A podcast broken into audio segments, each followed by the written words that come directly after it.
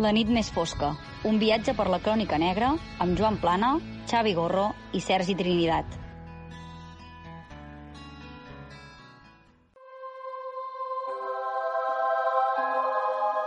La nostra protagonista d'avui, Jesse Gottfried, va néixer a Bremen a finals del segle XVIII.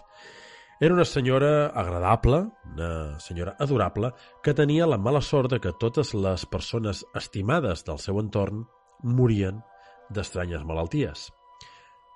Dos marits, un promès, fills, pares, germà, minyones, amics, tots, absolutament tots, emmalaltien i ella els cuidava bonament fins que morien. Res sospitós. Fins que va arribar un metge i es va començar a preguntar quina espècie de condiments hi posava la senyora Gottfried als plats que cuinava. Avui coneixerem aquesta història i sabrem què va passar. Benvinguts a la nit més fosca. La nit més fosca. Bones, benvinguts un dia més al programa de Crims i de Crònica Negra, la nit més fosca. Com ja saben, eh, cada setmana fem un, un tema i intentem anar intercalant doncs, casos mm, polítics, casos d'aquí, casos de, internacionals, casos antics. Avui toquen els meus preferits, perquè hi ha sempre qui li agraden els casos eh, polítics, poca gent, però hi ha qui li agraden, hi ha qui li agraden els temes de, de, de l'estranger, hi ha qui li agraden els temes mm, d'aquí, la meva mare, per exemple, sempre es queixa de que, de que fem molts de temes d'Estats Units i hem de fer temes d'aquí, no sé per què, i jo, per exemple, sóc dels que m'agraden molt els crims de segles enrere, els crims històrics.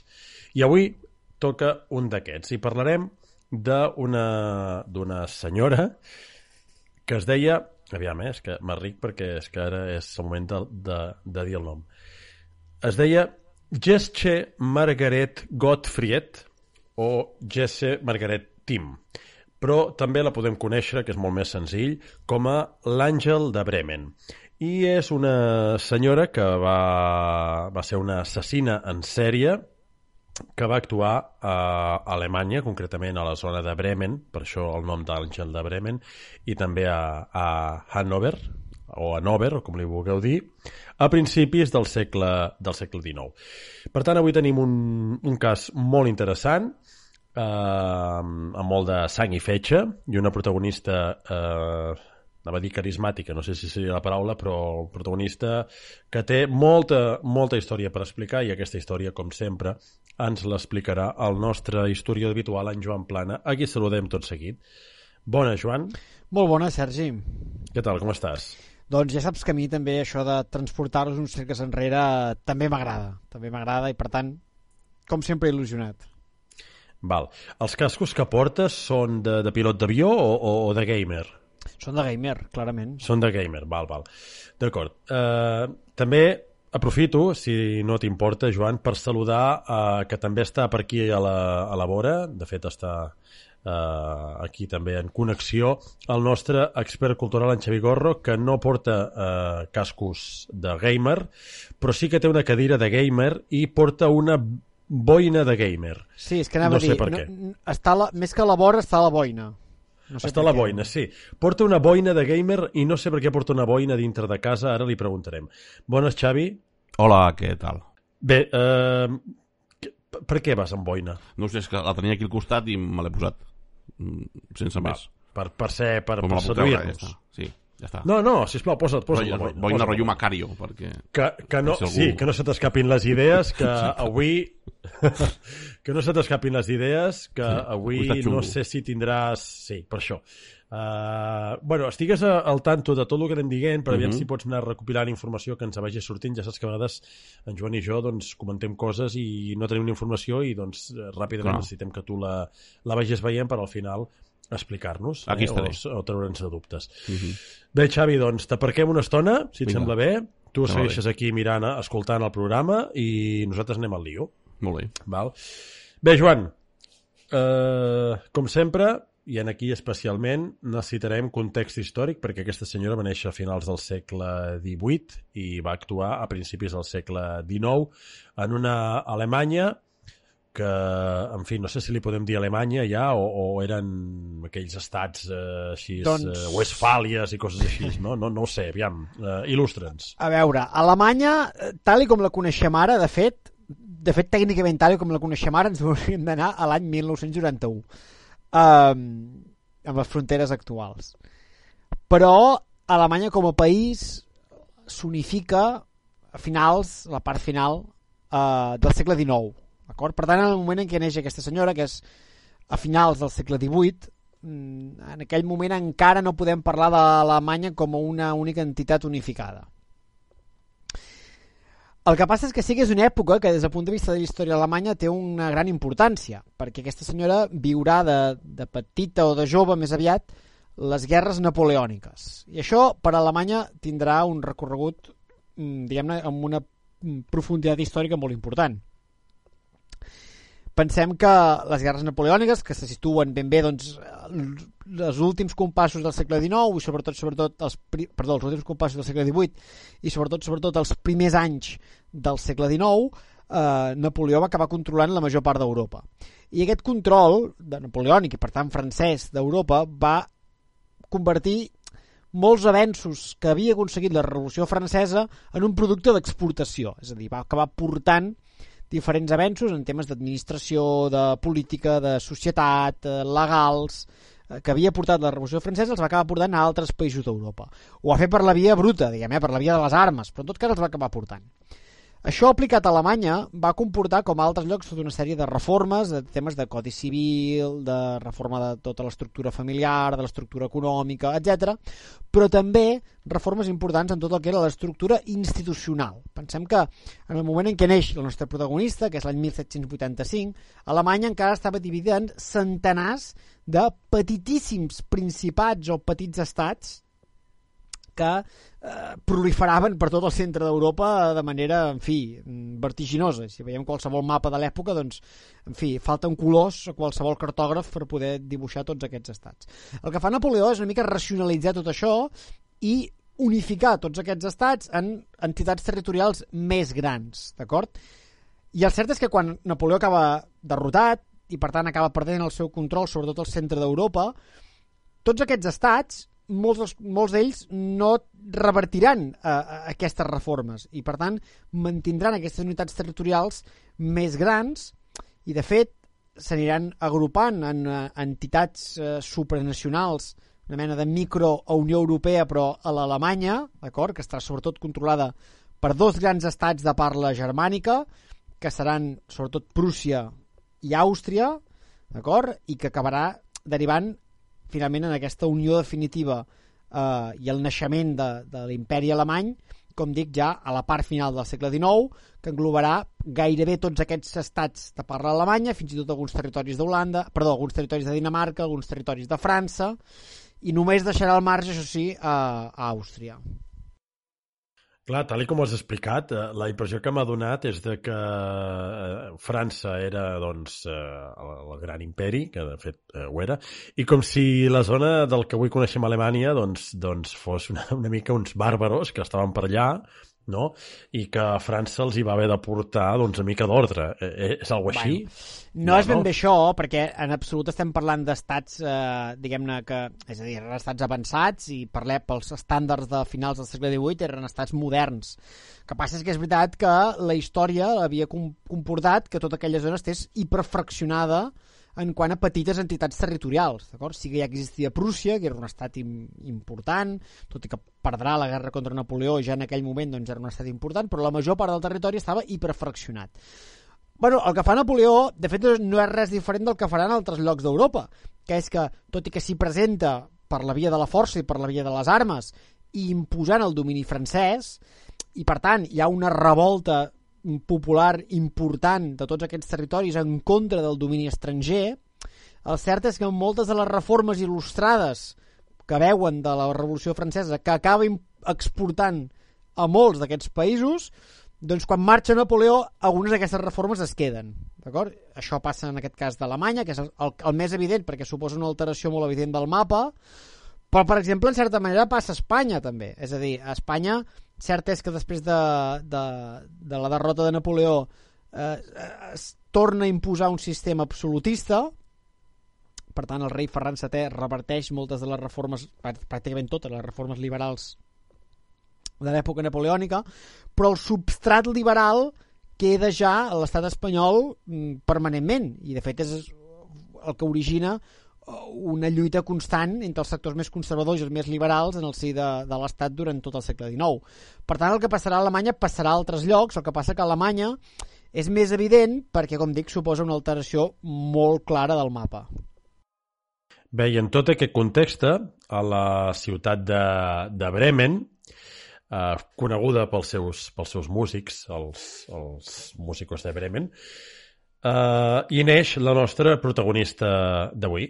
I què en sabem de, de la nostra protagonista d'avui en la seva, diguem-ne, eh, com a mínim la seva infància i joventut, a Bremen?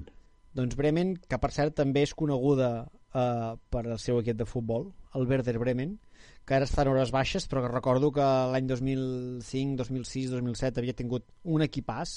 Recordo I recordo un gol de Ronaldinho de falta per sota. Ah, exacte, sí senyor, sí. va jugar a la Champions contra el Barça. Sí, sí. I, I jo recordo un davanter que era Miroslav Klose, que va acabar jugant fins als 30, no sé, 30 molts anys, i que crec que encara és el jugador que ha marcat més gols a la història de, de, dels Mundials. Doncs va ser molts anys davanter del Werder Bremen. Bueno, fet aquest Molt petit bé, ja, parèntesi... ja veieu que aquí, aquí eh, aprenem de tot, eh, a la nit més fosca. fet aquest petit parèntesi futbolístic, uh, la nostra protagonista neix en el si d'una família relativament humil de la ciutat de Bremen i en una societat en la qual, doncs, com en moltes altres societats de l'època, les dones, eh, la principal via que tenien per tal d'acabar procurant-se una vida més o menys digna o com a mínim més o menys estable era el matrimoni i per tant la seva família doncs, es va preocupar des de que ja ella era molt petita, molt jove, vaja, de buscar-li un bon marit. Eh, I finalment el van acabar trobant. Amb el seu marit, que es deia Johann, espera, un nom que és mica complicat, Miltenberg, eh, es van casar l'any 1806, quan ella tenia 21 anys el matrimoni va ser relativament feliç, fins on nosaltres sabem, eh? com a mínim els primers anys, després ja veurem que no. I van arribar a tenir tres fills. Per tant, podríem dir que els primers anys de vida de la nostra protagonista... Fins aquí tot normal, eh? De moment, sí. sí. infància normal, família, entenc, estructurada... Sí. Eh, tot normal fins aquí, no? Sí. L'única cosa que podríem destacar una mica anormal fins aquí és que aquesta noia tenia un germà bessó que bueno, es deia... Bueno, no, no em sembla normal tenir un germà bessó, eh? No, uh, de per si no, vale? Passa però... bastant sovint. Sí. Però eh, tot apunta que amb el seu germà Bessó van acabar tinguent una relació una mica tòxica en el sentit de que van acabar com entre ells competint molt, no? I per tant això, bueno, per, per destacar un fet de la seva infància que podia ser una mica d'allò, ser aquesta competició constant amb el seu germà. Però bueno, com tu dius, fins aquí, escolta'm, no hi ha d'haver cap gran baix, no? Doncs jo sempre he escoltat que els bessons es porten molt bé perquè tenen com connexions... Eh, jo no sé si ens escolten bessons, no? Eh, però ja ens ho faran saber, però jo sempre he entès que els bessons es portaven molt bé, tot i que bé, això poder no era així a Bremen, eh? Poder és una altra cultura, no ho sé. Almenys en aquest bé, cas no. Bé, bé, bé. Però bueno, a part d'això, que, aviam, mm, siguin bessons o no, té una mala relació amb el seu germà pel que sigui, però, però entenc que de moment fins aquí tot normal. Per tant, per, eh, clar, què passa? Per què parlem avui a la més fosca de la senyora Gesche? Doncs mira, la senyora Gesche, que no sé si ho pronunciem bé, eh? És clar, uh... jo tampoc, eh? Gesche. Bueno, Gottfried. Gottfried, li diguem Gottfried, i ja està. Vale. Doncs la senyora Gottfried, la seva vida comença a torcir-se l'any 1813, quan fa, doncs, eh, 7 anys que està casada amb el seu marit. Aquell any, el seu marit el Johann Miltenberg mor. Vaja. Mor després de contraure una estranya malaltia, es passa unes quantes setmanes al llit, en, eh, passant-ho malament, mica mica es va debilitant, va tenint doncs, òrgans interns que li van fallant, etc. La, la, la senyora Gottfried el cuidarà durant tot aquest temps, però finalment acaba morint. Això a l'època no era especialment estrany, perquè evidentment ens imaginarem que els avenços científics i mèdics eren molt menors i per tant, escolta, morir de malaltia en aquella època doncs no era la cosa més estranya del món, d'acord? Però sobretot, sobretot, sobretot, sobretot, la seva vida es començaria a complicar en desmesura a partir de l'any 1815. Per tant, el marit es mor eh, d'una malaltia eh, desconeguda. Sí. La senyora pobreta el va cuidant, el, Sí. amb, fent tot el que pot, era el seu marit, al cap i a la fi, i a partir d'aquí suposo que quan, quan, quan el seu marit es mor d'aquesta malaltia, perquè de moment jo no estic sospitant gens de res, eh, aquesta senyora es troba perduda i, i comença a a anar pel pedregar, per entendre'ns, no? Bueno, segurament pel Pedregà ja començaven abans. En tot cas, sí que és cert que es troba perduda. El seu marit era una persona, com he dit abans, eh, que el matrimoni era una via d'ascens social, doncs el seu home no és que fos milionari, però bé, és una persona més o menys benestant econòmicament, per tant ella des del punt de vista econòmic queda bueno, raonablement estable, tot i que cap d'un temps ha d'acabar buscant feina, acabar treballant de minyona, d'acord? Però bueno, diríem que no és que quedi del tot desemparada de la vida. Però com dic, quan sí que la seva vida faria una baixada en picat espectacular, va ser l'any 1815. Concretament ens hem de Ojo, eh? situar el No- 2 no de maig perdeu. de 1815. Va. Què passa el 2 de maig de 1800, de 1815? Suposo que comencem ja a, a, a, a matar penya, no? Bueno, el 2 de maig de 1815 mor la mare de la Ah. nostra protagonista. I això també li suposa un xoc, suposo, perquè la, la pobra mare també se la devia estimar. Se l'estimava, i no només se l'estimava, sinó que també va patir algun tipus de malaltia estranya, invalidant, que la va obligar a cuidar-la durant els temps previs a la seva mort. Però bé, al final, escolta'm, que els pares tots sabem que és llei de vida, no? Que si no passa res extraordinari, un moment l'altre els hem de dir adeu. Però com et dic, el 1815 mm, va ser un any tràgic, perquè el 2 de maig mor la seva mare, el 10 de maig mor la Johanna Miltenberg, que és la filla més petita que havia tingut amb Johann Miltenberg, una nena nascuda l'any 1812, per tant que en aquell moment només tenia 3 anys. Per tant, en qüestió d'una setmana va perdre la, la mare i la filla petita. Ens imaginem el drama que això ha de suposar. Però és que només 8 dies després, una setmana després, mor Adelheid Middelberg, que era la filla gran del matrimoni, nascuda l'any 1809, que per tant en aquell moment tenia 6 anys. Però no acabem aquí, perquè encara aquell mateix any, el 28 de juny, acabaria morint Johann Tim, que era el pare de la nostra protagonista que moria, com dic, el 28 de juny. Però és que tampoc acabem aquí, perquè aquell mateix any, concretament el 22 de setembre, va morir l'últim fill que li quedava al matrimoni, Heinrich Miltenberg, que va morir a la tendra edat de 5 anys. Per tant, recapitulem, en un mateix any, de fet, en, en, en menys de 3-4 mesos, va perdre els dos pares i ni més ni menys que els tres fills. Carai, Joan, llavors entenc que, que, que aquesta senyora o té molta mala sort o hi ha algun virus que s'escampa per la família o perquè, clar, de, de què moren exactament tota aquesta gent? El cert és que no se sap ben bé de què morien. El que sí que se sap és que eh, tots ells doncs, patien una llarga malaltia abans de morir, per, invalidant, i que la pobra dona s'havia d'encarregar de tot el que eren les cures de tots aquests membres de la seva família que un rere l'altre anaven morint. De fet, això evidentment va fer que tota la gent de Bremen, que com tu bé dius, evidentment no, no sospitaven que la cosa podia haver-hi gat amagat, eh, doncs els feia pena a la senyora perquè evidentment doncs, havia perdut tota, tota la seva família s'havia hagut de- d'esforçar durant aquell últim any a tirar endavant amb molta gent malalta, etc.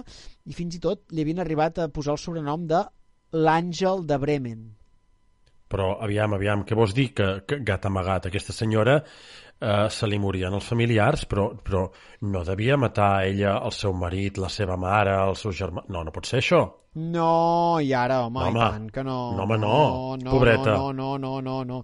Això no ho pensava ningú. Bueno, potser ho pensava l'únic membre de la seva família que quedava viu, que era el germà Bessó, aquell amb qui es Que- portava malament. Carai, i aquest sobrevivia? Aquest sobrevivia i, per tant, potser va pensar malament, però en tot cas, si va pensar malament, va pensar malament fins al l'1 de juny de 1816, que per celebrar el primer aniversari de l'inici de tota aquesta corrua de morts, el Johan, que era el seu germà Bessó, va decidir sumar-se a la festa morint també. Que va traspassar, també? També va traspassar, no sense abans haver estat cuidada per la seva germana. Però Cuidada ell s'ho veia, ell veia que, que, que es moriria? Jo crec que s'ho veia, eh? jo crec que sí. Jo Sí, crec així- que sí. Així va morir el germà, també. Així va morir el germà.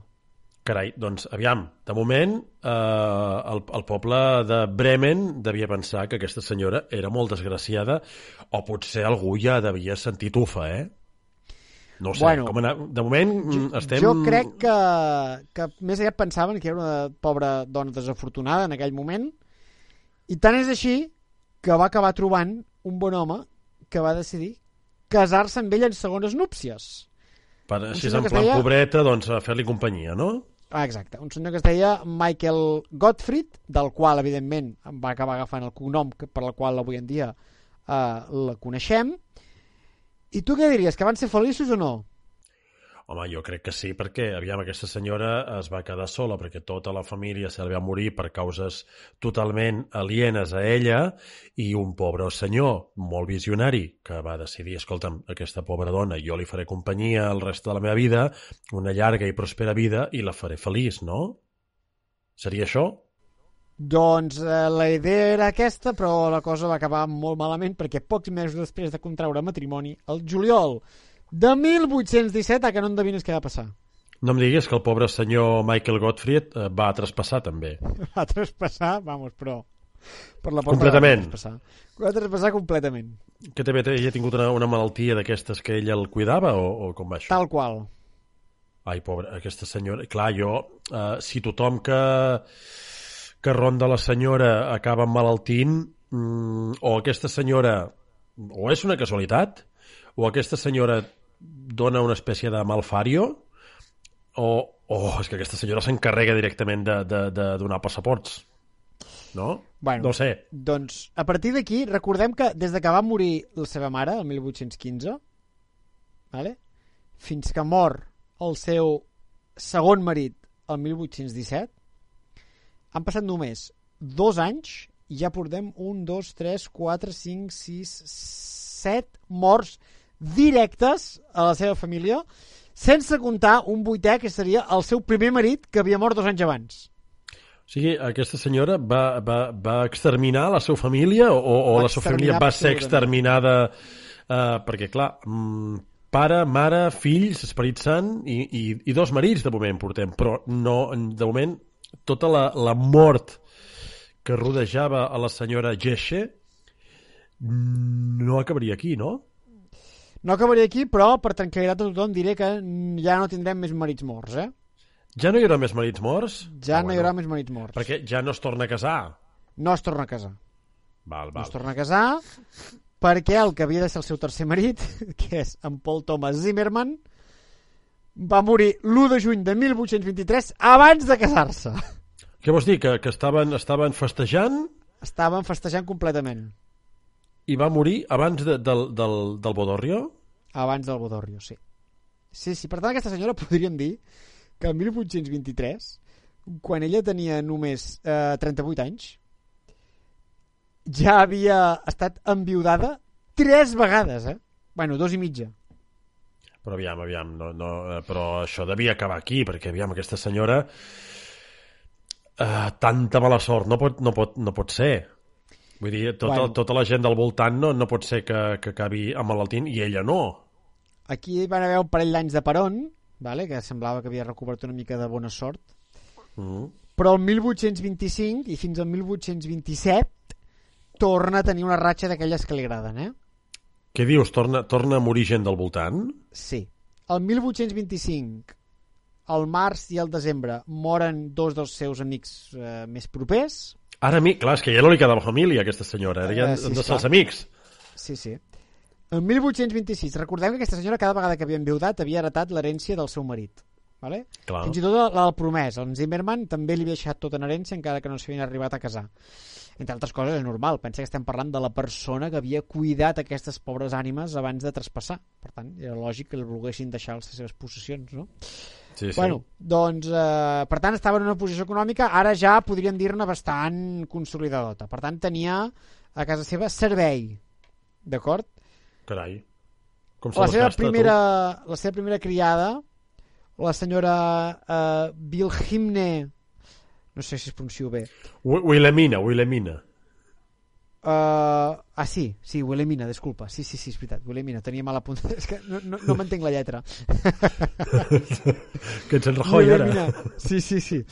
Wilhelmina Rump, és a dir, R-U-M-P-F-F, jo no sé això com s'ha de pronunciar, Rump, Sí. Vale, s'ha de marcar bé la F del final, eh? és que són dues F seguides. Sí, s'ha de marcar bé. Bueno, doncs va morir el 1826, vale? No, una sirventa, aquesta senyora, eh? Una, una dona Sí. de... Exacte. Llavors, Val. quan aquesta senyora traspassa, contracta una altra senyora que es diu Berta, Berta Schmidt, i la Berta Schmidt ve amb un nen de 3 anys. I tots dos moren l'any següent, el 1827. No, va. En sèrio? tal qual. Hosti, però, però, I- però és que ningú, ningú, ningú, eh, o sigui, aviam, no sé, jo quan veig una oferta de feina, no, t'informes i dius, aquesta senyora, aviam, on és el seu marit, senyora? Va morir. Oh, I els seus pares van morir. I els seus germans van morir. I els seus fills van morir. I l'amiga va morir. I, i bueno, doncs, escolta'm, poder planteja-te que passi alguna cosa, no? La senyora Be Bueno. Berta Smith, Doncs el és que en portem uns 1827, quants. el 1827, que és el mateix any en què mor la, la Berta Schmidt i la seva criatura, mor encara una altra persona pròxima, un amic de la víctima, que es deia Friedrich Kleine. També era amic de... de... També era Era amic era de la amic. nostra protagonista. Quedava algú ja al voltant d'aquesta senyora? Bueno, uh, pensa que portem 15 morts, no? si no m'he descomptat. 1, 2, 3, 4, 5, 6, 7, 8, 9, 10, 11, 12, 13, 14, 15. 15 morts, efectivament. I l'única persona que quedava era uh, un metge, El, el seu metge de capçalera? El seu metge de capçalera, podríem dir-ne. De fet, no era ben bé el seu metge de, de capçalera, sinó que era el metge de capçalera de la senyora Rumpuf. Ah, de la... De la, de la, o sigui, la, la senyora de les dues Fs de la minyona. La minyona tenia de la metge de minyona, capçalera. Exacte, Val. exacte. Doncs sembla que, Ai, ai, eh, ai. tot i que tot i que la senyora de les dues Fs havia estat atesa per la nostra protagonista les setmanes prèvies a la mort, com tota la resta de, de, de persones traspassades, aquesta havia demanat assistència mèdica. Vale? El metge l'havia analitzat, bueno, com altres víctimes, de fet, ja havia dit que, bueno, que tenia un tipus de fallada multiorgànica, que mica en mica el seu cos doncs, semblava que anava fallant, eh, que no sabien si podia ser un virus, si podia ser... no sé, no sé ben bé què era. Però, en aquest cas, la, la, la senyora... Recordes quina professió tenia, la senyora de les dues Fs? Era la, la, la minyona, no? La minyona, molt bé. I quines són les tasques que fa normalment una minyona en una casa? Quan tu contractes una minyona, què fa? Bueno, eh, depèn. En, en principi, doncs, netegen i fan el dinar, no? Exacte. Bàsicament diríem aquestes dues, no? Com a bàsiques. Sí, no sé, no tingut mai Doncs minyona, jo, eh? La senyora... Doncs diré que, que la senyora Gottfried li deixava fer només una d'aquestes dues tasques. En canvi, l'altra no li deixava fer, perquè ho feia ella mateixa. Ah, La senyora de les Quina dues era? Fs podia netejar tot, havia de netejar tota la casa, però en canvi no s'encarregava de fer el dinar. ah. El feia El menjar, ella, la senyora Gesche. Exacte. Ho feia la senyora Gottfried directament i eh, això, quan el doctor se'n va assabentar, va ser una cosa que li va intrigar com, com, com era que aquesta senyora tenint una, una, pagant una persona de servei doncs ella mateixa s'encarregava de cuinar. Bueno, la senyora, la senyora doble F el que li deia és que, és que, bueno, que la, miri, la senyora li agrada cuinar i tal, i bueno, tampoc és el més estrany del món. O ella Però poder el cuidava principi- pèssimament, no? La senyora de la doble F poder no sabia Ah, cuinar. O cuinava molt bé. Ah, vale, el senyor de, de, de, sí. Jo Sí, dic, el senyora, el senyora Gottfried jo crec que, que cuida, cuinava molt bé, sabia molt bé el que cuinava. Sí, sí. Les, la senyora de les dos Fs li va eh, explicar al doctor quin tipus de menjars feia la, la senyora. I li va explicar que molts d'aquests menjars estaven, eh, eh, diguem-ne, condimentats amb una espècie de mm, substància granulosa, blanca, gruixuda. Com una mena de sal molt gruixuda, saps? Sí, una sal Maldon... Sí. A- Que a més a més xucrut. estava com... Sí, que a més a més estava com recoberta d'una mena de, de, de substància greixosa. No m'estic fent a la idea, però no me sembla gaire apetecible, eh? És com, un, tro com uns trossos, com uns grumolls de sal gruixuda amb, amb un moc a sobre. Ai, doncs, doncs... I això en tots els menjars. Bueno, sovint ho posaven al menjar. I d'aquí, el doctor, doncs, eh, bueno, mm, va començar a sospitar-ne. Vale? Llavors va no, no una podia mica- ser formatge feta, eh, això? Mm, Podria ser-ho, podria ser-ho. no. A partir d'aquí va anar seguint una mica la trajectòria de la senyora Goldfried i clar, va veure que la persona que va substituir a la senyora doble F, la, la Berta, també havia mort. I no només havia mort ella, sinó que havia mort la se- seva criatura. I encara poc temps després, una altra persona pròxima a la senyora Gottfried havia mort, la seva última víctima, diguem, el senyor Friedrich Klein, Kleine. Per- Perdona, Joan, eh, és que de moment sembla que, eh, de moment, eh, sembla que l'heroi és el metge. Doncs, I no sabem, ni, no sabem ni com es diu. Uh, el metge es diu... Uh, no sé com, com es pronuncia, es, perquè m'imagino que és alemany. Um, S'escriu Luce, L-U-C-E. Per tant, jo li diré Luce. Vale? El Luce. Vale, perquè El aquest senyor... Luce. De moment m'està semblant important, aquest senyor, perquè el tio, el tio va, Aquest va tenir una visió important. i va dir, ep, Sí. cuidado amb el doncs li diré feta raro que hi posa el sí, xucrut la senyora, eh? Correcte. Clar, què, va, què va fer? Segur Va, va, es va autoconvidar a dinar o com va anar això? No, no ben bé. Uh, bueno, primer de tot, si algú sap parlar alemany i vol corregir, doncs uh, fantàstic. Jo li diré així, vale? perquè és el que, el, que, sé, el que sé fins ara. Um, Sí. Aquest senyor, quan va sospitar, perquè va veure això, no? que anava apareixent més morts i tal, va dir aquí, aquí hi ha gat amagat, que és una cosa que nosaltres ja hem vist fa estona, però aquesta gent doncs, els hi va costar uns quants anys de veure. Llavors, el que va acabar fent mm, va ser investigant quin tipus de substància podia ser eh, que estigués donant eh, a la gent que vivia amb ella o la gent per la qual cuinava vale? um, aquí, clar, els anàlisis químics de l'època evidentment eren infinitament més precaris que els d'avui en dia, per tant no era tan fàcil com analitzar la substància i posar-la en, uh, en, un en un laboratori però en canvi sí que el que va fer va ser analitzar en profunditat els cadàvers que anaven apareixent a l'entorn de la senyora Gottfried, d'acord? I una mica analitzant com una mena d'autòpsia en profunditat per tal d'anar veient amb, exactament amb què podien correspondre tots aquests, eh, tots aquests símptomes, no? Però suposo que la senyora Gottfried no se'n devia enterar, perquè si no aquest, el passaport en el, en el metge devia, seria ràpid, eh? Suposo. Bueno, Si enterat. no, clar, bueno, també falta que el senyor llavors vulgui menjar alguna cosa que hagi, hagi fet l'altre, Sí. saps? Crec que Sí. si el, si el metge sospita, no crec que mengi. Bueno, en tot cas, um, va acabar deduint que el més probable era que les víctimes haguessin mort intoxicades per arsènic que com tothom sap doncs és un, uh, un verí molt i molt potent vale? i uh, d'acord amb les, uh, la descripció que va fer la senyora WF abans de morir um, va acabar mm, deduint que el més probable és que la substància que posava als plats provingués d'un matarrates Ai, ai. molt conegut i molt popular a l'època que, que no endevines de quin eh, element estava fet eh, en essència. Matarrates? Uf, eh, doncs, doncs, no, no, la veritat és que no. D'Arsè, no sé, no en tinc ni idea. No en tinc ni idea. D'arsènic, exacte. Sí, d'arsènic. val, val. Aquesta Bueno, ho he suposat, això, cosa. ho he suposat. Sí, sí, aquí, sí. aquí, va Que, lligar, perdona. aquí va lligar caps. Val, val, val. Per tant, eh, però, la, clar, matarrates, però aviam, el, la, ma- matarrates, clar, jo estic imaginant el matarrates d'avui en dia, no? Doncs un spray així, però en aquella època com anava això? No, no era un spray, era com una mena de... com una mena de... mm, de d'això, com, com si fos un grumolls de sal molt gruixuda. Que aviam, que aviam. D'entrada, a mi me dius, mira, te fico aquí una mica d'arsènic en el plat i ho prefereixo abans que una sal mal dona mocs, eh? Que és el que hem dit al principi.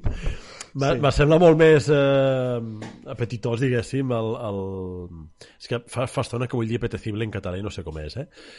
Uh, Uh, doncs mira, ara mateix... em, em, ve, em ve molt més de gust eh, arsènic en el, en el xucrut que sal a Maldon amb mocs. Vés a saber d'aquí. Però, bueno, eh, de moment el senyor Luce acaba descobrint, o, o intuint, eh? Intuint que la senyora posava Sí. sí? arsènic com a condiment eh, als plats. I això Correcte. S'acaba provant o, o, o com... Què passa? Bueno, aquí? això ho acaba portant a les autoritats eh, policials, vale? que, clar, com dic, només que analitzin una mica el, L'historial. la historial d'aquesta senyora, ja, ja, ja veuen que aquí hi ha alguna cosa que no va bé. Doncs, eh, bueno, eh, llavors la policia, un cop té aquesta informació, intenta detenir-la. La senyora Gottfried, que segurament sí que s'olorava alguna cosa, ja no estava a la ciutat, se'n va anar a viure a Hanover, Mhm. Vale? De fet, per ser exactes, he de dir que l'última víctima, el senyor Kleine, va morir a Hanover. Era I això va fer que la seva detenció... Sí.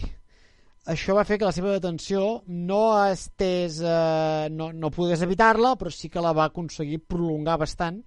I, per tant, aquesta senyora no va ser detinguda fins al 18 de març de 1828, quan, doncs, eh, bé, en fi, va ser detinguda i posada a disposició judicial on el metge en qüestió va declarar tota la investigació que havia fet. A més a més, prèviament s'havia eh, registrat tant la seva casa de Bremen com la seva on havien trobat restes d'arsènic com sobretot la seva casa de Hanover on vivia quan va ser detinguda on van trobar enormes quantitats d'arsènic d'acord? per tant van trobar moltíssim matarrates i això compaginat amb el testimoni del metge que va explicar que eh, en fi consumir arsènic de forma mm, regular en el temps acaba provocant doncs, que mica a mica vagis tinguent problemes de salut, que et vagin fallant els òrgans, que acabis estant invàlid, que la t'hagin d'acabar cuidant, etc. I a llarg termini, evidentment, t'acabes morint, doncs al final lligant tots els caps es va eh, aconseguir les proves suficients com per condemnar-la formalment per l'assassinat d'aquestes 15 persones que són 15 però podrien ser més, eh? Són els 15 que tenim detectades. Clar, perquè eh, molts podrien haver colat perfectament com a malaltia en una època on no sé si, si hi havia masses autòpsies i, i on el que segur que hi havia eren moltes malalties. Per tant, mm, s'hauria d'analitzar tot l'entorn d'aquesta senyora i quan deixem a morir, clar, que llavors té poder ja quedem sospeitant de que qualsevol mort del voltant d'aquesta senyora podia ser, podia ser fruit de, de la seva acció. De totes maneres, aquesta senyora, molta paciència, sí, sí. eh? Molta paciència perquè entre que comences a enverinar, a enverinar a la persona i aquesta es mor i a sobre l'has de cuidar ostres, doncs no sé fins a quin punt li sortia Bueno, bueno, com de tot plegat No, és que les- la- l'anàlisi contemporani, eh, que evidentment sempre és una mica, diguem-ne, fal·lible perquè es fa amb certa distància, eh? però tot apunta que aquesta senyora tenia un síndrome que es coneix com síndrome de Munchausen, que justament, justament, eh, consisteix en això, és a dir, és la necessitat que tenen aquestes persones de ser cuidadors, de que la resta de la gent depengui de les seves cures i per tant arriben a l'extrem de maltractar, de, de, de fer malaltia expressament a la resta de la gent per després poder cuidar-los. Hosti, hi ha cada trastorn que de veritat, eh? M'estàs dient que hi ha gent que té la necessitat de cuidar altra gent i que per això la malalteix per poder-la cuidar? És, és surrealista. Sí, sí, sí, sí, sí, sí, sí. I això té un nom i es diu síndrome de Munchausen. Síndrome de, síndrome de Munchausen per, eh, o sigui, el nom és síndrome de Munchausen, llavors veig que hi ha una derivada que és síndrome de Munchausen per poder, que no sé ben bé exactament quina subderivada és, però vaja, la- en tot Bueno, cas... doncs això, doncs segurament per... Sí. Segurament sí. Per, per tenir el poder de, de, de, de que aquella persona Ah, malalta no, val, depèn de tu. val, no, disculpa, ho he explicat malament. Um, el síndrome de Munchausen és el síndrome dels pacients que simulen, exageren o provoquen les malalties per ser cuidats. Vale? I aquesta senyora tenia síndrome de Munchausen per poder, que vol dir que tu provoques, exageres o, o simules les malalties dels altres per poder-los cuidar. És a dir, el síndrome de Munchausen és quan tu ho fas per tu mateix. I el síndrome de Munchausen per poder és quan tu ho fas pels altres. O sigui, tu generes el mal dels altres per cuidar-los. D'acord, ara crec que ha quedat, que ha quedat més clar. Bé, Joan, eh, judici d'aquesta senyora. Aquesta senyora, mm, estem parlant d'un judici de fa dos segles, per tant no sé si hi ha moltes dades, però ella reconeix els fets o, o com va això? El judici, que suposo que no devia ser com el d'avui, eh? Com els d'avui en dia, no sé Bueno, com devia ser això. Sí, Explica'ns una mica. no, no, clarament no. A veure, no tenim gaires detalls de com va ser el judici. Testimonis no en El devien haver perquè estaven tots morts. Clar, El testimonis... principal allà testimoni no, no va ser el ningú. metge. Sí. El principal testimoni va ser el metge, clar.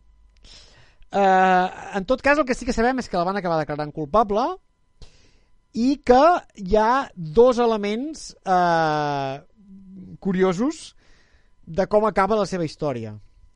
El primer és que uh, a l'època hi havia moltes teories sobre mm, com, uh, diguem-ne, preveure que una persona pot arribar a ser un delinqüent o un assassí. Una d'aquestes teories era que les faccions físiques de la cara poden determinar la conducta criminal d'una persona. Això és una teoria que, evidentment, avui en dia tenim absolutament descartada, però que en aquella època, bueno, doncs tenien certs dubtes al respecte. Una de les coses que feien alguns dels científics que es dedicaven a estudiar això era fer motllos de la cara de criminals con condemnats per tal d'intentar establir aquest patró entre les característiques facials de tots ells. I a la senyora Gottfried se li va fer un motllo, que encara avui en dia es conserva.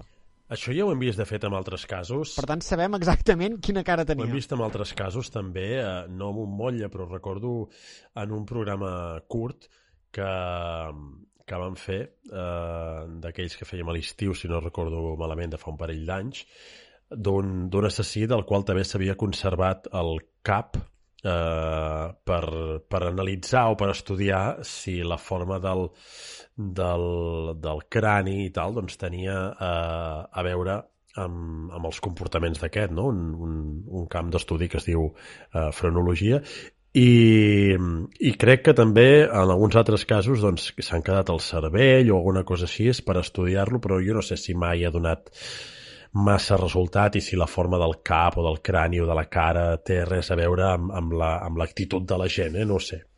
Però No, també s'han fet disseccions de cervells per veure si hi havia algun tipus de, de, de problema dins de la maquinària, per dir-ho així. Però no, no, no, efectivament totes aquestes teories han acabat sent eh, pocs, poc rigoroses per tant avui en dia no, no, no, no es fan motllos de la cara dels assassins per s'havien trobar característiques facials comunes. S'havia d'intentar, no? S'havia d'intentar. El motllo d'aquesta senyora, l'estic veient, eh, bé, no, la cara d'aquesta senyora, realment, eh, morta, diguéssim, però, però és curiós poder veure la cara d'una assassina del, del segle, de principis del segle XIX, de 1800, principis de 1800, i que també hi ha una foto, una foto no, eh, òbviament, un retrat eh, d'aquesta senyora i sí, sí, s'assembla eh, al motlle de la cara real, o sigui, és cu Sí, sí. curiós, eh? Doncs bé, Sí, sí. va morir guillotinada aquesta senyora. aprofito per dir que el, eh, tot això que estàvem dient ara, de totes aquestes teories sobre que la, la forma del crani, de la cara, etc pot predisposar a l'actitud criminal d'una persona, és una pseudociència que es coneixia com a frenologia. Sí, exacte. que com dic avui en dia evidentment ja no, ja, ja no està en ús per sort. Bé. Eh, va ser guillotinada aquesta senyora, eh, aportació francesa, eh? Doncs sí, la guillotina és una de les coses que va quedar de Napoleó quan va marxar d'Alemanya, la guillotina es va quedar, i deia que hi havia dues coses curioses de la seva part final de la història, que un era aquest motllo, que ja n'hem parlat, i la segona és que la van executar eh, amb guillotina públicament, davant de tothom, eh, aquells espectacles, allò que tu... Què, què fan aquest set a la tarda? Maten aquell... Ah, doncs som-hi, vinga, sí. Doncs va ser, va ser la última execució pública que va fer eh, que va tenir lloc, vaja, a la ciutat de Bremen. Val. I, bueno, i uh, veig que també hi ha una, una pedra en, el, en una plaça de, de Bremen que precisament doncs, uh, fa referència a això, al lloc on va ser executada la senyora Gottfried. I has estat tu a Bremen, Joan?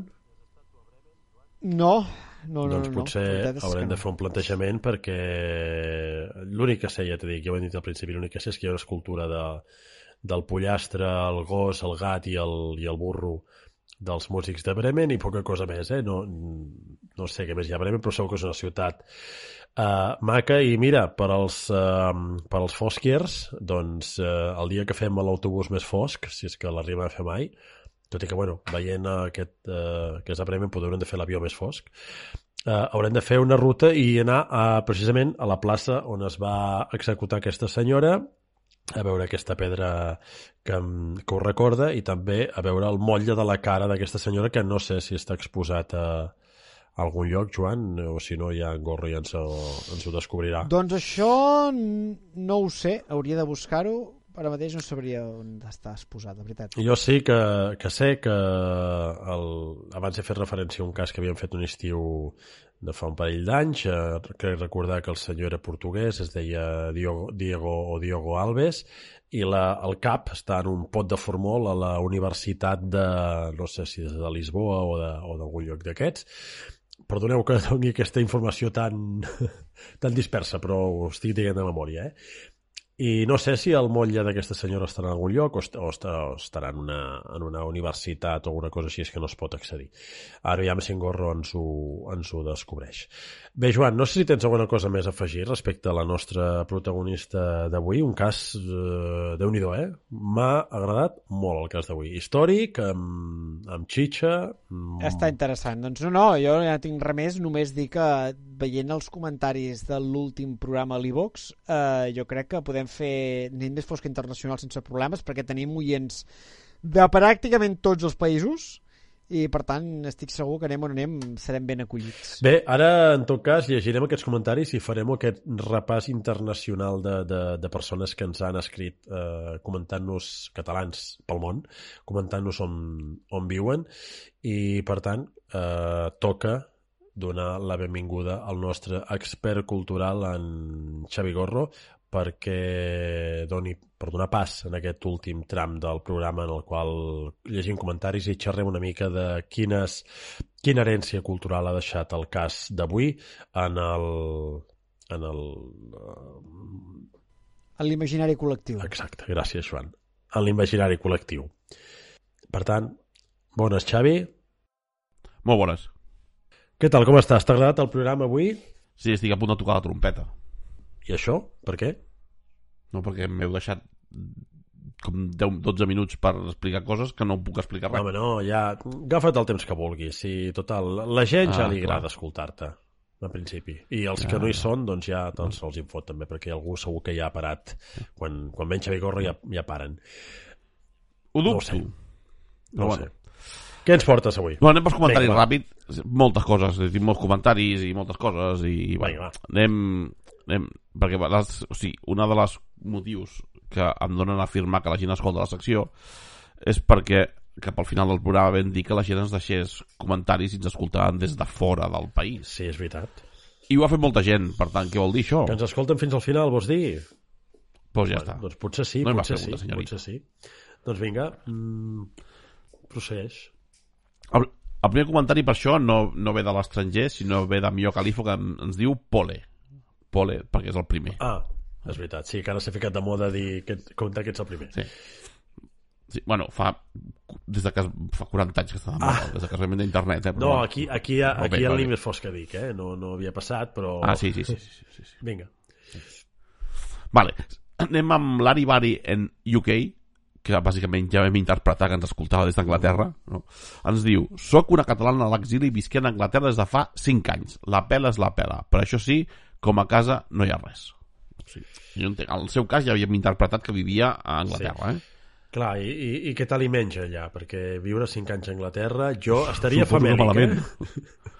Sí, suposo que malament, les salxitxes aquelles amb, Jo he estat, amb he estat un i- parell de vegades, i he motxetes. estat a Londres i he estat a Edimburg, i he mort de fam allà, eh? perquè eh, jo el Sí. fish and chips no me'l penso menjar mai, o sigui, només de veure'l, Ai, no, només de veure'l ja, ja m'agafa un, un, un, un xamacuc, Les mongetes aquelles amb ketchup, Ai, i, tampoc. i, i llavors, i, bueno, allò, allò és intolerable, o sigui...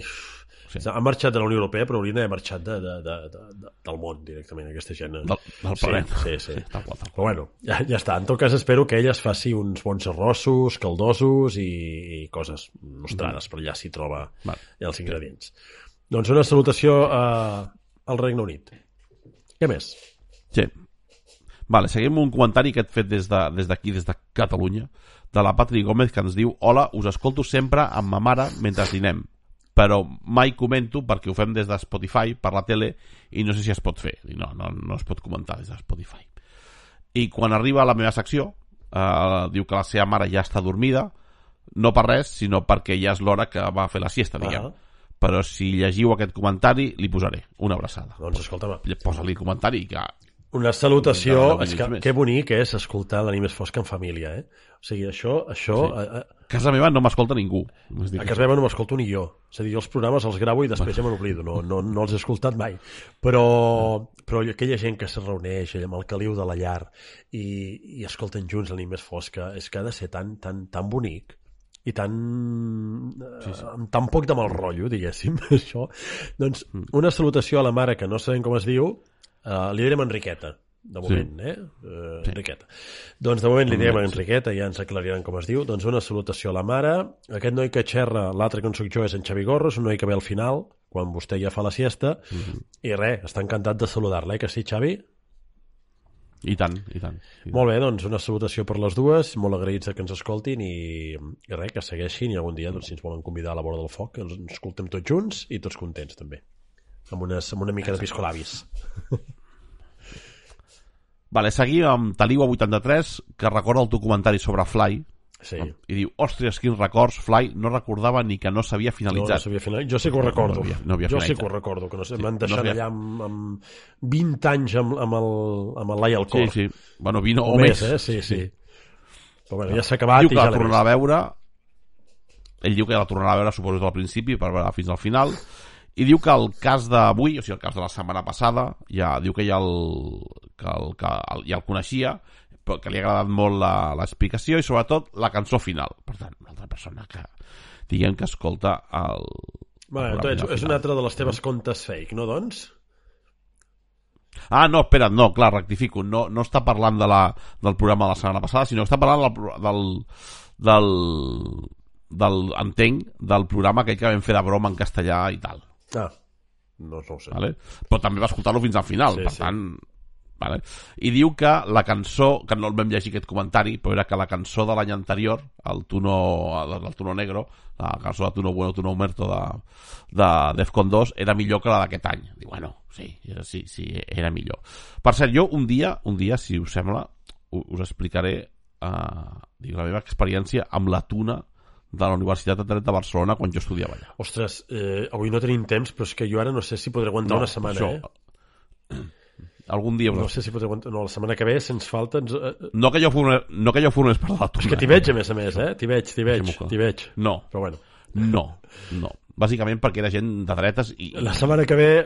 Ho, ho... i de dret, del, bueno, La setmana que ve ens ho comentes.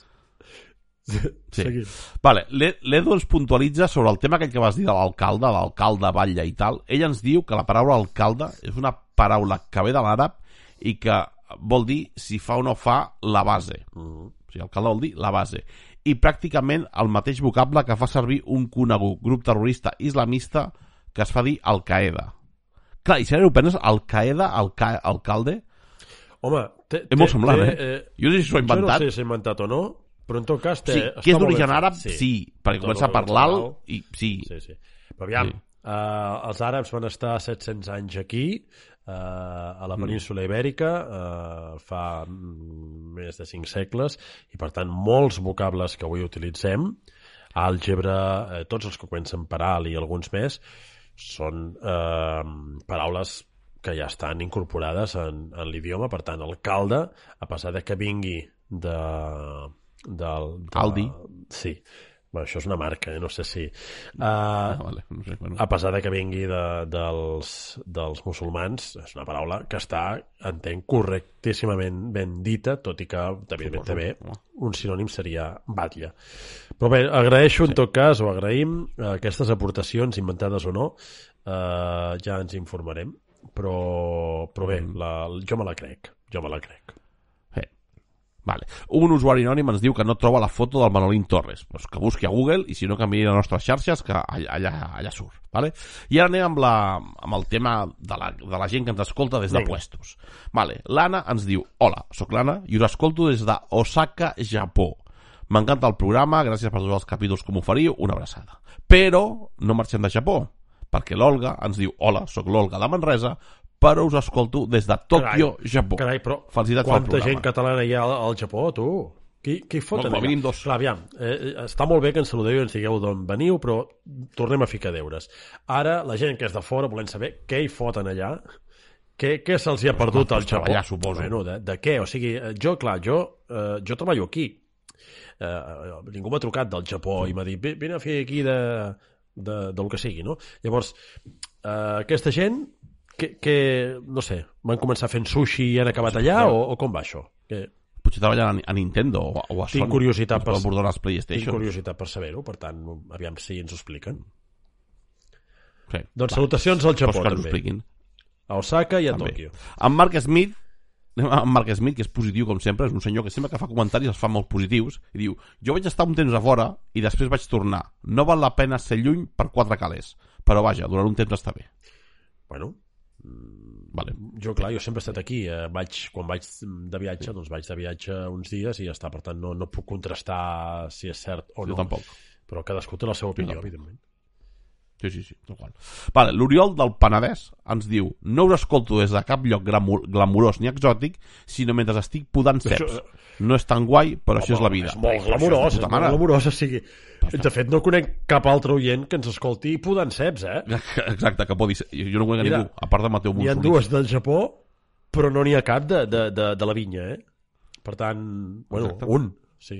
Per cert, que, que ens digui a, a, a quina vinya quina vinya té o quina vinya treballa per, bueno, per De- fer intercanvis. Ah, sí, sí, sí. No, si és els Montsolís, Ah, no, eh? tenim- Bueno, això sí. No, perquè, hòstia, perquè acabarem malament.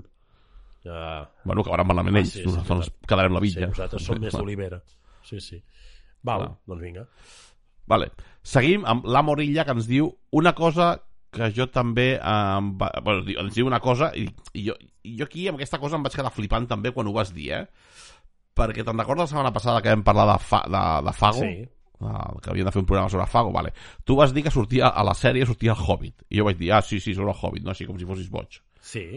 Que jo, en veritat, no vaig entendre què El, deies. el protagonista Sí, sí. del Hobbit, l'actor que fa de Hobbit, No, clar, sí, l'actor que surt de Hobbit, i això ens ho diu la Morilla, ens diu que el senyor que fa de Hobbit, que fa de Bilbo Bolsón al Hobbit, eh, en Martin Freeman, no surt a Fago, sinó surt a Fargo. ah, va, no és, a, no és el Fargo- Martin Freeman, eh, per ser. El Martin Freeman és el, el negre Sí, aquell de, de, del... No, aquest és en Morgan Freeman. Jo, mira... Mm, oi, va- vaig, Vale, o o, sigui- sigui, no és... Fargo, clar, Fargo, Fargo, Fargo, Fago, Clar, Fago, Fargo és la pel·li... Vale, vale, Sí, vale, Fargo, vale, sí. vale, vale. És que també hi ha una Vale. sèrie de Que Fargo, jo em vaig quedar no? com dient, sí, sí, vale, vale. Hi ha una sèrie de Fargo, hi ha una, hi ha una pel·lícula de Fargo, hi ha una sèrie sobre Fargo. Vale, he tingut un, un, un, fet un crossover involuntari aquí. He tingut un, un sèrie lag i se m'ha- se m'han creuat els cables. Val, doncs, dit això, en, el que no és en Morgan Freeman, que és en Martin Freeman, que és el Hobbit, que surt a Fargo, però Sí. que no surt a Fago. És així, eh?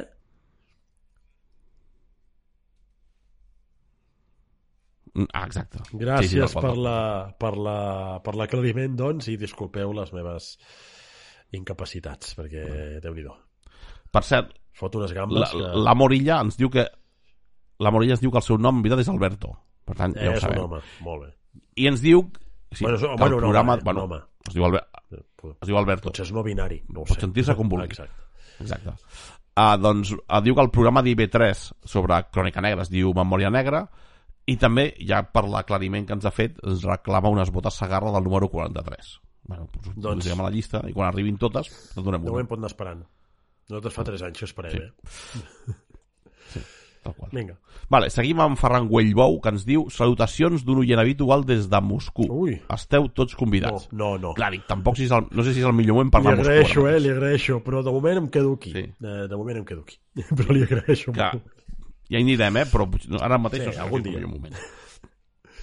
Vale.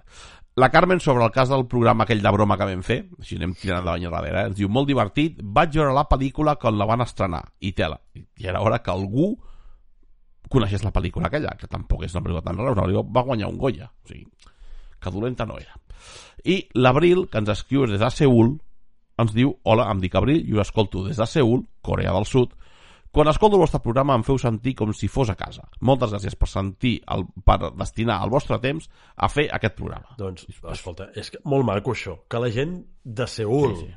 en allà, amb, amb, amb, amb tots els capòpers i, i, i, sí. i el que hi hagi a Seul, suposo que molts edificis i, i moltes llumetes, i se senti com a casa, sí. amb els seus calçots, la seva botifar, les seves seques, les seves espardenyes i la nit més fosca, això, a mi, Mm.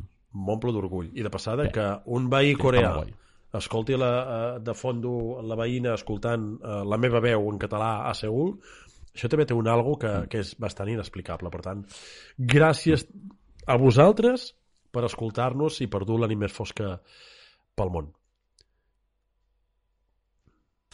Anem amb la Marta Solà, que ens diu Sergi, jo el 3, 4 i 5 soc a Estocolm.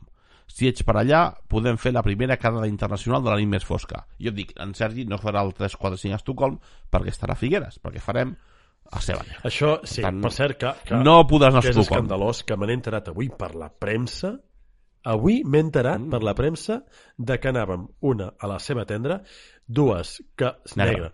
Dues, les dates, l'hora i, i el què. Me n'he enterat avui per la premsa. O sigui, bueno, l'hora no, però el dia me n'he enterat avui per la premsa. Perquè tu no m'ho havies dit i m'he hagut de canviar urgentment una guàrdia que tenia, que tenia aquell dia per, perquè dic, hòstia, ara m'ha fotut aquest aquí i ja ho ha publicat, ho sap tothom, i ara imagina que jo agafo i dic que no puc venir. Doncs, doncs, doncs no, me lamento per no comentar-ho. Però bueno, en tot cas, sí, però aviam, si jo he d'anar allà a fer alguna cosa, potser que se'm pregunti si estic disponible, no? Perquè, clar, jo sóc una persona ocupada. Jo estic ocupat. Jo tinc guàrdies, tinc coses, tinc família. Llavors, eh, però bé, que no La família estava amb mi divendres passat, no amb tu. Bueno. Que no cunde el pànico, que no, cunde, que no condeixi el pànic, que estaré allà, a Figueres, uh, fent aquest uh, crossover que, que bueno, ja... Bueno, encara no hem dit què farem, eh? Jo ho he llegit a la premsa, per tant, si ho he llegit jo...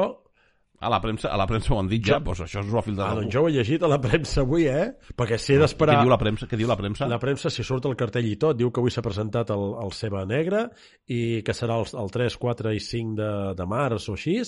Ara no ho recordo, he dit que memòria, eh? 2, 3, 4 2, i 3, 5. 4 i 5 i que hi haurà presentacions de llibres de la, de la Soletura, de, de, de, de no sé qui més, que també hi ha algun podcast per allà, un crossover entre nosaltres mm. i, i, i els companys de Malandrí Criminal. Tot això ho he llegit jo a la premsa avui. Oh, per tant, Vaja. mm, si ho he llegit jo, ho pot llegir, uh, uh, la noia de Seul Qualsevol. també ho pot llegir. Vale. Però la noia Seul també ho podrà veure perquè farem streaming. Ah, carai. Bueno, Per tant, Ja donarem més detalls la, la setmana que ve, Sí. suposo que s'anirà acostant. Jo no sé si la Marta eh, estarà al 3, al 4, al 5 de març o de febrer.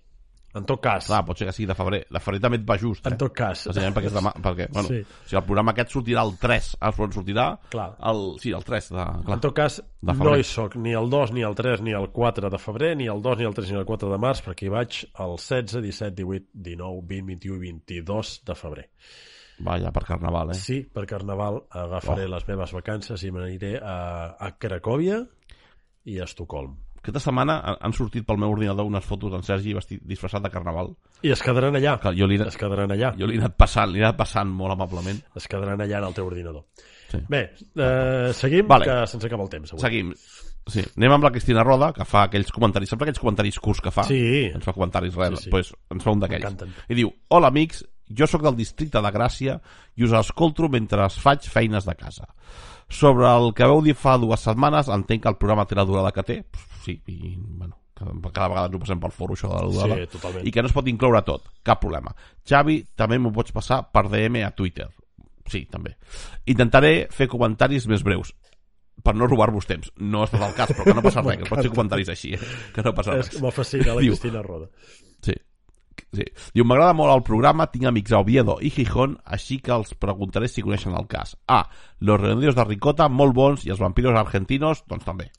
Perfecte, doncs estem d'acord absolutament amb tot. Sí, sí, sí, tal qual. Jo he de dir, quan vaig estar a Astúries, no vaig anar a Gijón perquè els d'Oviedo em van dir que Gijón no vayas, que és una puta mierda. Hòstia, a, a, I a... els hi vaig fer cas i no vaig anar-hi. Oi, oi, oi, oi. Pues aviam si ens escolta algú de Tal qual, eh, em van i, dir. I, i, ens... I ens uh... Però tal qual, eh? O sigui, estava allà a Oviedo i vaig dir, bueno, voy a Gijón. I Gijón, que eso no sirve Digue-li això al Luis Però Enrique, bueno, pues aviam què passa. Aviam si fot un xec Clar, és que després em va saber greu no anar-hi. Sí, sí, Però sí. com em van dir, no, no, Jo no he estat això ni a un lloc ni a l'altre, per tant, no, no te puc, no te puc dir. Ai, Oviedo és, és molt maco. Oviedo és molt maco, eh? Sí? D'entrada no, no, Sí, no m'inspira Macó, eh? Havia... No, no, en sèrio, Sí? és molt maco. Sí? És ciutat molt maca, sí. Bueno, doncs ja, ja escolta'm, ja, ja ho posaré a l'agenda. De moment, de moment, Cracòvia i Estocolm, jo. Una ciutat maca també és Bilbao. Bueno, no sé si maco seria la definició de Bilbao, però és una ciutat interessant, diguem. I ja que dic això, dic perquè en Xavier Murillo i Giral ens diu jo us escolto des del casco viejo de Bilbao. Soc de la Sagrada Família a Barcelona, tinc una botiga i coses de la vida, la meva veïna del local també és catalana i em van fer enganxar al vostre programa. Si passeu per aquí, teniu unes hildes pagades. Oi, magnífic, magnífic. M'encanta que me convidin a, a coses que no sé què són, Ai, sí. però... Clar, i unes hildes són una espècie de... O sigui, com tu diria, un... Es menja, eh? És com... Ah, es menja, Un doncs jo encantat, sí. Cap problema. Sí, es sembla, menja- sembla aquell pa, palillo que té una oliva, una, Ah. una anxova i una Ah, sí, sí, guindilla. sí, sí. Pues allò, Ah, doncs som-hi cap a Bilbao, falta unes gent. banderilles, no? Cap a Bilbao falta tant. gent, sí, sí, sí, sí. He de dir que jo tinc aquí una... O sigui, jo tinc pendent de tornar en el País Basc i depèn de com vagin les coses, puja el juny i vaig. Per tant, ja vindrem a saludar. Ah, doncs poder vinc amb tu, eh? Ah, doncs vine. Però depèn d'una cosa. De quina? Una cosa que passa al maig. Ah, bueno. Ah, ja, ja sé quina. Ja, Ja, sé ja. Vale, ja saps. vale, ja, ja depèn, veurem, doncs. Depèn, depèn de què sí, depèn de què no. Ja informarem Vale. puntualment de, dels nostres Sí. viatges, aviam si... Sí. si Bueno, Tal qual, tal qual. Vale, seguim, doncs. sí. Bueno, què? Seguim? Sí, sí, perquè és clar, més que res perquè es fotran fora i a més a més, ara la gent ens escolta uh, divendres 3 de febrer, però aquí, a la vida real, és uh, són les 11 i mitja del 2 de febrer i m'estic perdent el Benidorm Fest, o sigui que fes el favor d'anar accelerant. Pues, pues ja parla tu, eh? Vale, anem amb la Cristina, Cristina Gómez, que ens escolta des d'una mica més lluny que és Bilbao, i ens diu Hola, sóc la Cris de Mataró, us escolto des de Basilea, a Suïssa, on visc i treballo. Si mai veniu per aquí, aviseu i fem unes birres. Mira, Seguiu així, ho feu molt bé, enhorabona. jo ja hi he estat a Basilea i, i, i francament, eh, amb tots els meus respectes pels basilencs, eh? Ah, però quina... En fi, No n'insultis. No. Hi ha una plaça amb una, amb una espècie de piscina amb uns aparatos raros que fan coses amb l'aigua i Mm. res més. Bueno, la nostra amiga que, que dona glamour. Però jo la recordo Basilea. Sí. jo recordo Basilea no perquè ho veiés, sinó perquè me sona la final de Basilea que va guanyar el Barça contra el, uh, el Düsseldorf, crec que va ser, Doncs no... a l'any 78 o 79, no ho sé, jo, em sembla. tu ja hi eres, però jo final de no Basilea. era. No, jo no, no, no, que va, que va, no hi era, però me sona final de Basilea, aquestes coses, la recopa, em sembla que una recopa o alguna així. Doncs, doncs, L'únic- Basilea només me sona d'això. doncs mira, Però bueno. ciutat on te fa molta fred. Sí, bueno, Sí, sí. no sé, no hi he estat. Vale, anem a una ciutat que també fa molt de fred, perquè la, la Verònica FPNY ens comenta una altra vegada Hola des de Nova York, sóc la Verònica Francisco de nou. Esteu convidats a Nova York. Oi, això sí. I us faig de guia. Això sí, això sí que m'apunto, eh? Quan, Vale. Diu que ens fa de guia, també. quan i on, Verònica? Bueno, bueno, No, no, espaviles tu amb ella. no, no tu També no s'ha de dir que ens escolta sempre... Mm, bueno, ja ho veurem. Perquè diu que ens escolta sempre mentre, mentre renta plats. Pensant, potser anem allà i ens fa rentar plats mentre ens- ens fa de guia. Per tant, no sé si ens O, surt a o, compte. o potser També ella renta diu... i nosaltres li hem de fer el programa en directe a la cuina, vés a saber. Ah, doncs estaria guai. Sí, Sí, Podríem fer curiós. programes des de casa ah, de gent. sí? Ostres, com a, aquests concerts que es fan al terrat. De... Sí. Nosaltres anem a fer el programa a casa de la gent, tu. Sí, sí com, com sigui com, Ei. com els que fem últimament, que hem de tallar 3.000 vegades perquè no va res. pues, plèndid, això. Bueno, hòstia, ens ho plantejarem, això. Pot ser divertit. Vinga. També es diu que simpàtics i professionals que sou, soc, soc de Barcelona capital. Gràcies. gràcies. gràcies. Clar, i aquí també hi ha un problema. Aquí esteu convidant a tothom i ho he notat, eh? En Sergi el que fa és apuntar-se allà, anirà a casa vostra de gratis Sí. i l'haureu d'aguantar, Sí. perquè l'heu convidat. Sí, sí, sí, així tal qual. Sí, sí. Va, aviam, sóc divertit, eh? Sóc divertit i... Sí, un, sí. I, va, sí. podem passar un bon rato, eh? Sí, sí. Sí. Més que jo, Si sembla, jo la vida encara- real no, no sóc tan, tan ditxaratxero com semblo aquí, eh? Per això. Però bueno, No. sóc simpàtic, crec. Clar. Vinga. Acabem, si et sembla, amb un comentari, un comentari no d'e-box, sinó de correu electrònic, Ai, carai, aquest no... cosa que no passa molt sovint. I és que l'Àngels Espacs, que segurament saps qui és, I tant. sí, qui és? Aquí, després, a postproducció, hi has d'insertar l'explicació. Ara m'ho expliques i després jo ho diré. No, jo, no, no t'ho dic ara més. La, te'n recordes aquell xocolata que et vas menjar tu sol de Berga? Ai, sí, el de la delícia de les monges! Doncs pues és la noia que ens va enviar la carta i les xocolates, les xocolates que et vas menjar tu, doncs, perquè ningú doncs, més en va doncs, menjar. Escolta, uh, s'han acabat. O sigui que si, si és una altra No, no, remesa... no ens envies més perquè se les menja en Sergi Brou, no, ens envies bueno, més. no, uh, però, escol, però escolta'm, però, però molt bones, escolta. No, sí, molt, sí, su, su, su, Tu en segurament. vols, nen? En vols? Doncs cap a Berga a comprar-ne. Sí, sí, ja ho faré, és el que hem de fer, perquè si no, sense tu. Perquè... Sí, sí. Però bueno, l'Àngels ens diu Bona tarda, genteta. Amb aquest correu, sense ànims d'ofendre, només us volia comentar que, si plau no fiqueu música. Poseu música. Oh, Cada vegada que us sento dir quina cançó ficaràs avui, em fan mal les orelles. mea culpa, sí, sí, sí. Sí, Fic, ficar cançons També ens diu- és posar cançons. Sí. Sí. és posar cançons. I fer petons, També eh, no donar-los. Sí, exacte. També ens diu, bé, avui, com podeu comprovar, he fet servir el correu electrònic, el dia de la carta, al jovent de casa em varen posar l'etiqueta de vintage. Clar, el correu electrònic està, està tornant també vintage, eh? Una cosa que... Sí, sí. No, però escolta'm, escolta'm. Uh, jo... El, el, Però mola no, molt, però, això. però serà vintage o serà el que vulguis, eh? Però jo rebre una carta a Ràdio Vilafant una carta sí. com, com de les d'antes Com cal. fa molta il·lusió. Sisplau, enviem cartes Més cartes. per més correu cartes, ordinari. I, i... Sí, no cal que ens enviïn coses. Cartes. cartes, i si volen enviar-nos coses, doncs també, eh? Però, però També, cartes, però no fa cal. il·lusió. Quan, quan ens truquen de, de la Sí. ràdio ens diuen, eh, teniu carta. Ostres, això Sí. és impagable. A més, que a la ràdio es pensa que som importants i, per tant, Exacte, ens deixen fer més coses. Dona, dona com... Anem allà i ens saluden, Sí, ens, sí. obren, ens obren la porta, ens saluden. Hombre, Ja estan aquí, ja estan aquí.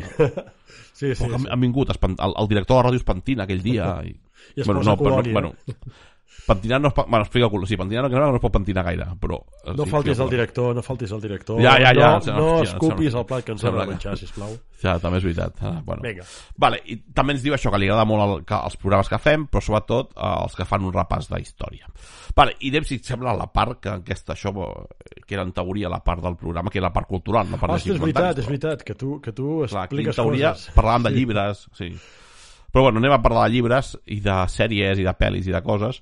Comencem, com sempre, amb els llibres, però avui comencem una, una novel·la gràfica que es diu Veneno.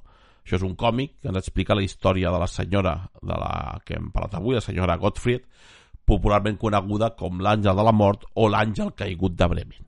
Aquest, aquest còmic, diguem, aquesta novel·la gràfica, és un guió de Peter Mether amb il·lustracions de Bàrbara Yellin i ens explica bàsicament la història que hem explicat avui, eh? que una dona de 43 anys va confessar haver enverinat entre 1813 i 1827 a 15 persones del seu entorn inclosos els seus marits, els seus pares i els seus fills. Un altre llibre que també parla d'aquesta senyora és un llibre que es diu Tragèdia de Bremen, escrit per Peter Meter, que és el senyor que va fer el guió del, de, de Veneno, ens explica també el cas que hem parlat avui i fa un retrat de l'enverinadora descrita com una dona mentalment alterada. Però el llibre també ens presenta un altre aspecte del cas i ens fa veure aquesta senyora com una dona que la societat civil no ha estat capaç de reconèixer o de saber per què va cometre aquests crims tan horribles. Anem a les pel·lis, i aquí tenim també pel·lícules, eh? però clar, estan totes en alemany i les repassarem ràpid perquè que, si no sabeu alemany, com s'ha notat que no tenim ni puta idea d'alemany, doncs tampoc les, tampoc les veurem. Vale? Comencem una pel·lícula que es diu Bremen Freiheit, una pel·lícula alemana de l'any 72, una pel·lícula que es va fer a l'Alemanya de l'Oest, per tant a la República Federal Alemana, i és una pel·lícula per televisió que ens explica la història de la protagonista d'avui, com hem dit, una dona del segle XIX, que, diguem, segons diu l'argument de la pel·lícula, va intentar imposar la seva pròpia personalitat acabant amb la seva família per desafiar les convencions socials i, diguem, aconseguir la llibertat d'expressió que en aquella època no tenia i se sentia oprimida que cadascú interpreti per què va cometre els crims aquesta senyora, eh? Per tant, la pel·li, segons la pel·lícula aquesta diuen donar aquest caire. Nen, nen, quin alemany que tens, eh? A més a més has ficat l'entonació aquella d'enfadat. De, sí, sí, eh? ara m'he sorprès a mi mateix i tot. Sí, sí. Quan ho anava escrivint dic, no sé què està dient, no, no, no sé com s'escriu això, eh? però m'he sorprès. També tenim una altra pel·lícula que ens, diem que ens, ens ensenya la història de la nostra protagonista d'avui. Aquesta és una pel·lícula independent que va, que va, es, es, va gravar, es, va gravar, es va gravar només amb un pressupost de 400.000 euros, que això, que això és molt, molt, són molts pocs diners, diguem, però que va tenir un molt d'èxit, perquè va arribar, diguem, a estar no nominada, però sí preseleccionada per als Globus d'Or de l'any 2019. Això, com he dit, la pel·lícula aquesta es diu El veneno i la ciutat, que és de l'any 2019, però que va estar preseleccionada pels Globus d'Or de l'any 2021. Però aquesta senyora no només té pel·lícules i llibres, també té obres de teatre. Obres de teatre en alemany. I diguem que n'hi han eh, tres que parlen sobre, sobre aquest cas, però com que no tenim temps tampoc les, les llegiré. Però també té aquesta senyora, a part d'un home teatre, també té una òpera, una òpera que es diu Bremen Freiheit, que en català seria Llibertat de Bremen, o alguna cosa així, que he ficat algú el traductor, i és el que m'ha sortit. I bàsicament aquesta òpera és una òpera de cambra d'una compositora romanesa i alemana que es diu Adrian Holskin, basada en un drama teatral del mateix nom de Rainer Werner, Rainer Werner Fassbinder. Diguem, aquesta obra va ser creada l'any 1988 per un bienal eh, quan es va inaugurar diguem, el nou teatre musical de, de, de Múnich i podríem explicar-te moltes coses aquí eh, sobre l'òpera aquesta, però com que no tenim temps anem directament a l'apartat musical perquè us vull explicar una cosa a part de la música de la, amb la que tancarem el programa. Avui acabarem el programa escoltant, com que tot ha estat alemany, perquè has vist llibres alemans, eh, pel·lícules alemanes, eh, òperes alemanes, tot en alemany, doncs òbviament acabarem escoltant un grup alemany que canta en alemany. Grup que es diu Jennifer Rostock, que és una banda de rock, com he dit, de parla alemana, que va guanyar atenció nacional a Alemanya per primera vegada després de formar-se l'any 2007 quan va actuar al Festival de la Cançó de Bundesvision de l'any 2008 que és, va ser una cosa d'aquestes que t'agrada a tu rotllo prèvia d'Eurovision Ah, doncs ni idea pues, bueno, clar, que ja no la miraré, ja la miraré no vius a Alemanya clar, saps? No, sí, no, clar, és no, no. complicat que puguis veure Bundesvision però bueno, bueno, avui, en dia, avui en dia no hi ha res Ah, bueno, complicat, sí. eh? Però Clar, no però això, és l'any, això és l'any 2008, i era una miqueta més difícil. Vale, aquesta Ah, banda barreja di diferents estils, entre el rock alternatiu, el punk, la música més electrònica, el pop i el rock més clàssic, i eh, aquesta banda té una cançó titulada Blood Liquid, dins del seu disc de debut que es diu Ins Offen Messer, publicat l'any 2008, que és un disc que va arribar al número 31 de les llistes de vendes del seu país, i en aquesta cançó, el Blood Liquid, diguem que hi ha uns passatges de la lletra que estan dedicades a la nostra protagonista d'avui. I amb aquesta cançó aquí hauríem d'acabar el programa. Però abans, abans d'acabar el programa s'ha ficat en contacte amb nosaltres per Instagram una, unes persones, una gent que organitza un festival que es diu Catatonic Fest és un festival de música alternativa diguem, que es fa a llançar i, segons he pogut llegir a les seves xarxes socials, amb la finalitat d'acostar, potenciar i fomentar la música cultural underground en el territori i la comarca. Per tant, com que ens agrada tot el que diu aquí i s'han ficat en contacte amb nosaltres a través del nostre Instagram, doncs anem a parlar una miqueta d'ells. És un festival on han passat bandes molt conegudes, com són els Crísics, els Dangerous Apàtrida, els Crim, Zombie Pujol, Cop, The Casualties, els Bad Mongos o la banda Trapera del Río, tots els que els agrada la música així, més d'orilla. Perdona, però si no han passat els redonditos de ricota... I és que, clar, mm, clar mm, fan una mica, una mica música una miqueta més agressiva que la que fan els Ceroditos de Ricota. Bueno, però és que els anellitos de ricota hi han de ser. Bueno, pues, mm, mira, no sé, no sé si que tant, està en actiu, apunteu, eh? suposo que- Apunteu-vos-ho. Pues per l'edició del 2024, Realitos de Ricota, sisplau. Vinga. Doncs bé, aquesta gent, el, aquest, aquest 25 de febrer, a la Carpa de Llançà, fan l'edició de- d'aquest any, amb els grups Evil, Legion, The Gun Down i Cadaver, grups dintre del programa, diguem, trash metal o el hardcore bastant reconeguts i bastant bons. Per tant, no tenim excusa per anar. L'entrada és gratuïta i, segons m'han dit, la beguda és molt barata. Per tant, no hi ha excusa. I nosaltres, si ens hem recuperat del Carnaval de Roses, jo he dit que aniria, sempre i quan no tingui molta feina pel Sega Negra, jo m'hi passaré. Doncs potser jo també, perquè he treballat mm, diversos, diversos anys a llançar Sí? i tinc molt bons amics i per tant, escolta'm, Però és amic Habits. no, heavies no, Bueno, però doncs- suposo que algun d'aquells que va a la festa de la cervesa de llançar, suposo que també es passarà per aquí perquè, pues hi anem, perquè s'hi ha d'anar, no? Bueno, pues, s'hi ha d'anar. Bueno, pues, potser hi anem. Jo, aviam, jo el heavy no, però escolta'm, si a mi me conviden a anar a una festa, en Sergi va a una festa. Vinga. I punt. I no se'n parli més. Doncs molt bé, doncs si et sembla acabem el programa aquí escoltant els Jennifer Rostock i fent aquí una miqueta de promo de, del, del Catatònic Fest de llançar del dia 25 de febrer. Doncs em sembla estupendo. Doncs dit això, avui ho deixem aquí. Recordin que ens poden seguir les nostres xarxes socials a Facebook, Twitter, Instagram, Spotify, YouTube, Twitch eh, i l'altre, com es diu aquesta, la, el Virreal? No, el Virreal no. El TikTok. El, el TikTok, el TikTok, ex- exacte, el TikTok. I ens poden deixar sempre els seus comentaris doncs, eh, explicant-nos el que, el que considerin, felicitant-nos, criticant el que vulguin, fent aportacions de qualsevol tipus, suggerències, tot. I recordin també que, a part, tenim el nostre correu electrònic i el nostre correu ordinari per enviar-nos cartes a Ràdio Vilafant, al carrer Xavi Eh, Figueres número 5. Figueres, número 5 de Vilafant. Doncs bé, eh, ah, i també recordin que es poden fer Patreons del, del programa a través de la plataforma Patreon i també eh, iVox Premium, fent aportacions eh, econòmiques al, al programa, la voluntat, que se li en diu, i a canvi doncs, tenen també eh, contingut extra. Eh? Algun dia d'aquests potser ens fem OnlyFans, no? No sé si algú pagaria, eh? Jo no sé si pagaria algú. Home, si la gent... Bueno, ja, això és un meló que obrirem un altre dia. Dit això, res més. Adeu, Joan. Adeu, Sergi. Adeu, Xavi. Ens veiem. I adeu-siau a tots vostès i recordin que els divendres de 3 a 4 de la tarda a Ràdio Vilafant i els dimecres de 12 a 1 de la matinada a una digital i sempre que vostès ho vulguin a les nostres xarxes socials és la nit més fosca.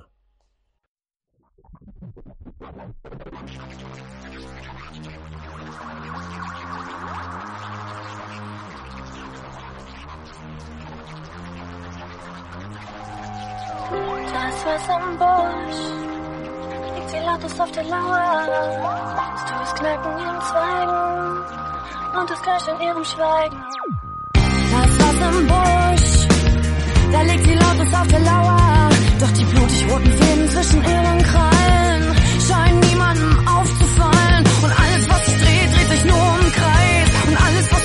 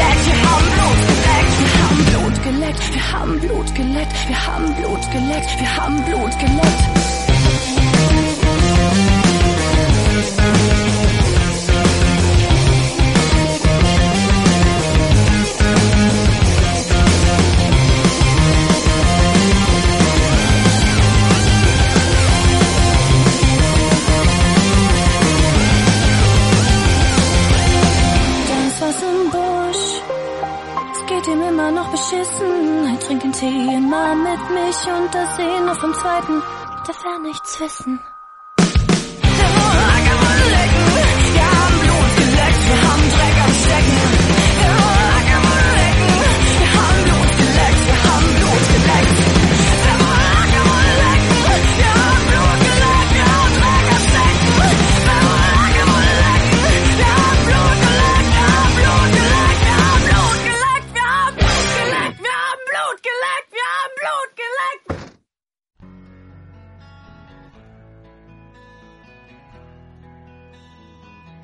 La nit més fosca, un viatge per la crònica negra amb Joan Plana, Xavi Gorro i Sergi Trinidad.